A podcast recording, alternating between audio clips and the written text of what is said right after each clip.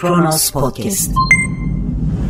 Hemen her haberin piyasalara etkilediği küresel sistemde Hazine ve Maliye Bakanı'nın görevinde olup olmadığının netleştirilemediği ya da bir istifa sürecinin dahi yönetilemediği ülke Türkiye.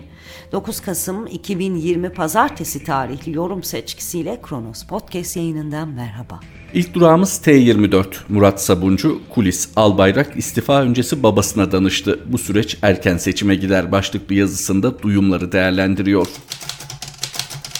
kimi yorumlar Naci Ağbal'la tartışmalı olduğu ve Merkez Bankası'na atama yapılmasında fikri alınmadığı için istifa ettiği yorumunu yapıyorlar. Bu konuda kulislerde şu konuşuluyor. Cumhurbaşkanlığı Strateji ve Bütçe Başkanı olan Naci Ağbal'ın bir süredir Cumhurbaşkanı Erdoğan'a verdiği briefinglerde ekonomiden sorumlu bakan olarak Berat Albayrak'ın Beştepe'ye davet edilmemesi son briefinglerden birinde. Özellikle Merkez Bankası rezervlerinin 2019 başından itibaren 120 milyar dolar azalarak eksiye düşmesi konusu. Bu süreçte yapılan hataların konuşulduğu sırada Erdoğan'ın Berat Albayrak'ı telefonla arayarak kimi noktaları derinlemesine sorgulaması krizin patlamasına neden oluyor. Albayrak son briefing sonrası Beştepe'de Ağbal'la karşılaşıp sert bir şekilde tartışıyor. Konu Erdoğan'a da iletiliyor. Hafta sonu Naci Ağbal'ın Merkez Bankası Başkanlığı'na atanması üzerine Albayrak istifa kararı alıyor. Albayrak istifa etmeden önce babasının iznini istiyor. Babası Sadık Albayrak oğluna istifa konusunda destek veriyor. Albayrak cephesi Berat Bey, Ağbalı Ali Babacan, Mehmet Şimşek çizgisinin devamı olarak gördüğü için istemiyor diye anlatıyor. Ağbalı tek başına Berat Albayrak'ın istifa sebebi olarak görmek çok naif geliyor bana. En az ekonomideki krizin tek sorumlusu Albayrak demek kadar naif. Aralarında ekonominin de olduğu her konuda son sözü Erdoğan'ın söylediğini bilmiyorlarmış gibi Albayrak çok başarısız diyenlere de söyleyecek bir söz bulamıyorum. Hukukun yok edilmesinden demokrasinin yerle bir olmasına ve kavgalı olunmayan ülke kalınmamasına büyük sorunların her birinin ekonomideki çöküşün ana nedenleri olduğunu görmemek. Tek adam yönetiminin bu büyük ekonomik enkazın gerçek sebebi olduğunu farkına varmamak. Bu yazı yazıldığı sırada istifa duyurusu yapılalı 5 saat oldu. Saatler gece yarısını geçti. Hala resmi bir açıklama yok. Erdoğan istifayı ister kabul etsin, ister etmesin. Bu şekilde ülkenin yönetilmesi giderek imkansız hale geliyor. Bu yönetilememe sürecinin daha fazla taşınamayacağını düşünüyorum. Erken seçim her geçen gün daha da yakınlaşıyor. T24'ten Murat Sabuncu'nun satırlarıydı. Yetkin Report'tayız şimdi de. İşte Albayrak'ın istifa depremi ve perde arkası diyen Murat Yetkin nasıl yorumlanmalı sorusuna cevap arıyor. Erdoğan 8 Kasım'da AK Parti Kocaeli İl Kongresi'nde konuşacaktı. Koronavirüs salgını nedeniyle çoğu toplantı iptal ediliyorken Erdoğan il kongrelerinde konuşuyor. Bu da hükümet kontrolündeki bütün televizyon kanalları tarafından baştan sona yayınlanıyordu. Erdoğan'ın evden 2 saat gecikmeyle çıktığı, kongreye 2 saat geç gittiği haberi var.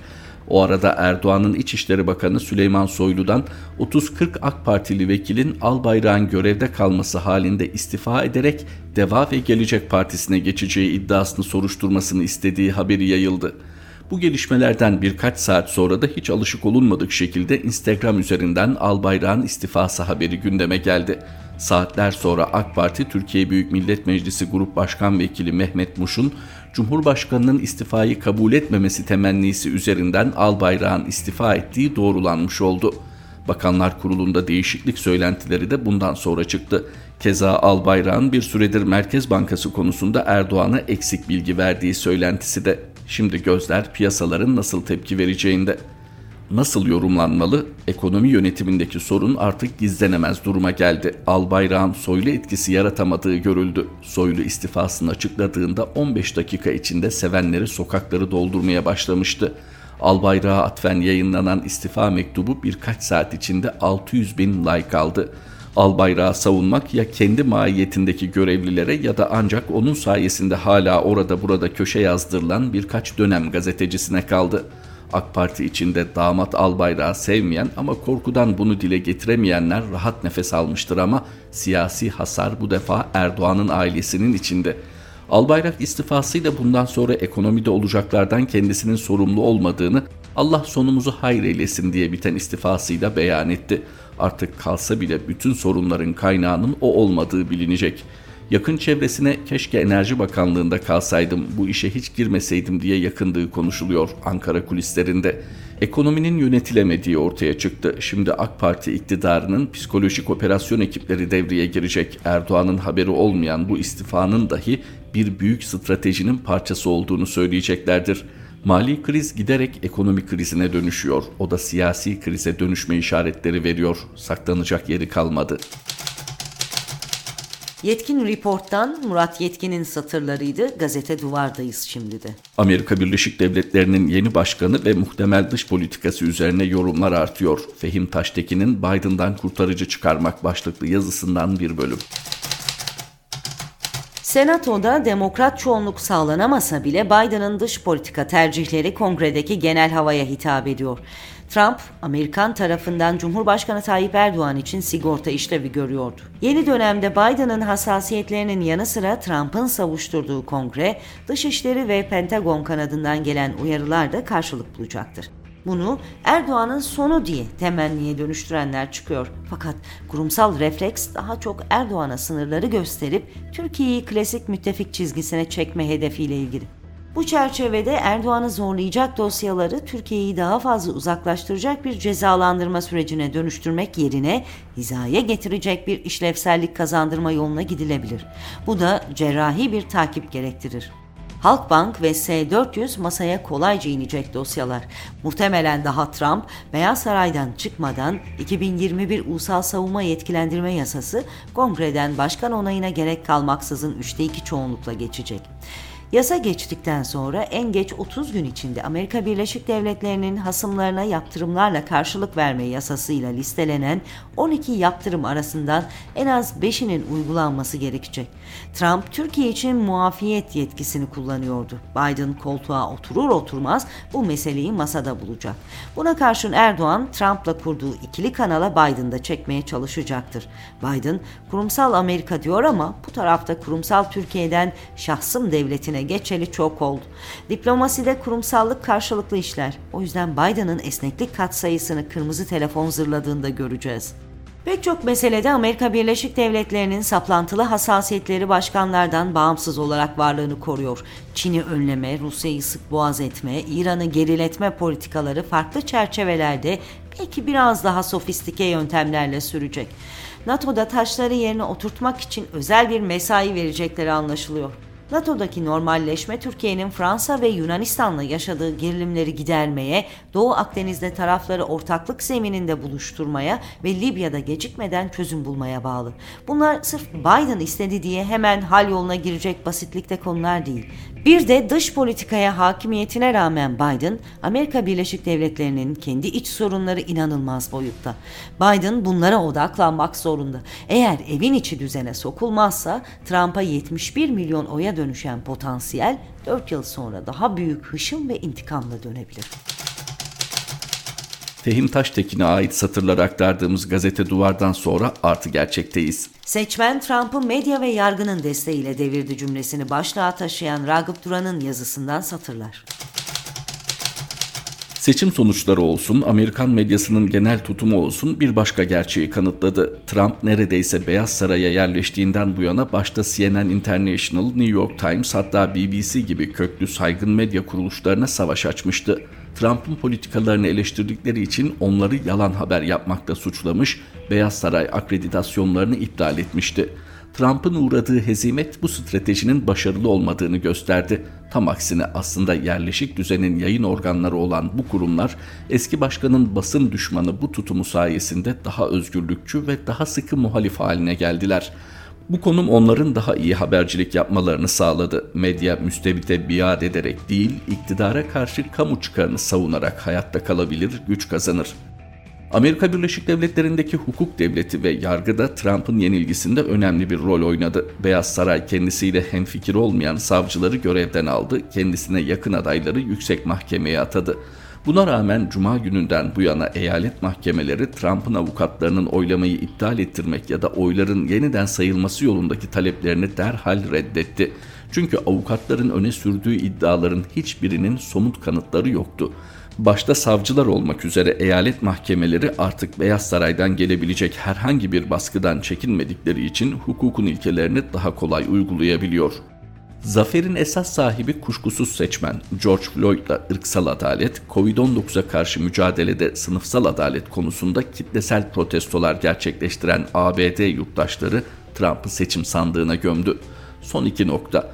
Kimi çevrelerde Amerikan emperyalizminde askeri sanayi kompleks vardır. Beyaz Sarayı onlar yönetir. Bu nedenle Trump gitmiş, Biden gelmiş. Bir şey değişmez görüşü hakim. Hiçbir gözlemci, yorumcu Biden'ın solcu, devrimci filan olduğunu savunmuyor. Ne var ki Trump'la Biden'ı aynı sepete koymak, emperyalizme boyun eğmek, hatta onu kaçınılmaz olarak yenilmez görmekle eş anlamlı değil mi?'' ABD seçim haritası Türkiye'ninkine çok benziyor. Sahiller masmavi, orta blok kırmızı. Pazar günkü haritada bile kırmızı alan daha büyük, normal. Çünkü cumhuriyetçilerin kazandığı eyaletlerin yüz ölçümü demokratların kazandıklarından daha büyük. Ama mavi eyaletlerin nüfusu kırmızı eyaletlerinkinden çok daha fazla. Keza ABD'nin doğu ve batı sahil şeridi eğitim ve kültür açısından Orta Amerika'dan kat kat daha ileride, daha zengin. Yine de yanıtı zor bir soru. Trump gibi bir cani palyaço, niteleme Bruce Springsteen'in nasıl oluyor da hala 70 milyon oy alabiliyor? Ragıp Duran'ın yazısından bir bölüm aktardığımız artı gerçekten bir güne geçiyoruz. Adam kazanamadı başlığıyla yola çıkan Melih Pekdemir de Türkiye bağlamında ele alıyor ABD'deki seçimi. Türkiye'nin küçük Amerika olmasıyla övünmek yaygındır. Daha bu yıl Haziran ayında küçük Amerika büyük Türkiye diye yazmıştım ve bu seçim vesilesiyle yine gördük ki bu kez büyük Türkiye Amerika'da tecelli etti. Zaten Amerikan seçimleri de hep Türkiye'deki benzerlikleri üzerinden değerlendirildi. Trump'ın kime benzediği veya kimin Trump'a benzediği konusunda şüphede yoktu. Nitekim onlar da hiçbir şey olmasa bile kesinlikle bir şeyler oldu deyip duruyorlar hala. Şimdi de Erdoğan'a otokrat diyen Biden'la ekonominizi mahvederim, aptallık etme diyen Trump'ın laflarını tokuşturanlar çıkacak. Hangisinin daha az acıttığını yani. Mesela İbrahim Kalın Twitter mesajında Trump'a diyemediklerini o sıralar seçilmemiş olan Biden'a diyebilmişti. Sözlerinin katıksız bir cehalet, kibir ve ikiyüzlülüğe dayandığını söyledikten sonra bedelini ödersiniz bile demişti ya. Hiç işte öylesine hatırladım. Gerçi Biden'ın göreve başlayacağı 20 Ocağı kadar epey vakit var. Bir vakitler düşman olan Erdoğan Bahçeli nasıl kanka olduysa bu sürede pekala aynı haller olabilir. Ama yine de Biden'ın hatırlatıp durduğu Türkiye'ye S-400 yaptırımları devreye girince ne olacak? Bilirsiniz Amerika Birleşik Devletleri'nde seçimi kaybeden başkana görevi devredene dek lame duck, topal ördek denilir ve Trump da öyle anılacak. Gerçi cüssesinden dolayı pek denk düşmez. Lame turkey, topal hindi deseler yeridir. Hem çağrışımı da anlamlı. Bu arada Trump hakkında seçim günü Beyaz Sarayı komuta merkezi olarak kullanmak suçundan şimdiden soruşturma başlamış. Ya demek ki böyle de olurmuş. Bizimkiler muhtemelen Trump'ın neden kaybettiği ve nasıl kaybettiği üzerinden kendilerine dersler çıkaracaklar. Bu tabii ki demokrat filan olacaklar anlamına gelmiyor. Tersine Trump'ın kaybetmesine yol açan muhalefet dinamiklerini sosyal medya başta olmak üzere önceden bastırmanın yollarını ve daha kesin çareleri arayacaklardır. Ama nihayetinde Erdoğan yakın bir müttefikini de kaybetmiş oldu işte. Yandaşlar arasında ciddi ciddi Trump'a seçim darbesi yapıldığını yazanlar bile çıktı. Hemen Putin'le görüştü ama hala tebrik etmedi Joe Biden'ı değil mi? Murat Yetkin'in yazdığına göre Biden'ı hala tebrik etmeyen liderlerin hemen tamamı Amerika Birleşik Devletleri medyası tarafından otokrasi eğiliminde ilan edilen isimlermiş. Neyse bu yazıyı da konuyla yakından ilgili şekilde büyük sanatçımız Timur Selçuk'u selamlayarak onun şarkısıyla bitirmek lazım. Baskıydı, işkenceydi. Bir işe yaramadı. Dışarıdan yardım geldi, onu kurtaramadı. Bugün öyle bir gün ki ey insan kasapları, hakkı yenenler şimdi tutuyor hesapları. Bir günden aktardığımız Melih Pekdemir imzalı satırlar bu birlikteliğimizdeki son paylaşımımızdı. Mehmet Şahin ve Gülden Gül Batı Şahin. Yeni yorum seçkimizle Kronos Podcast yayınında tekrar buluşmak üzere. Hoşçakalın.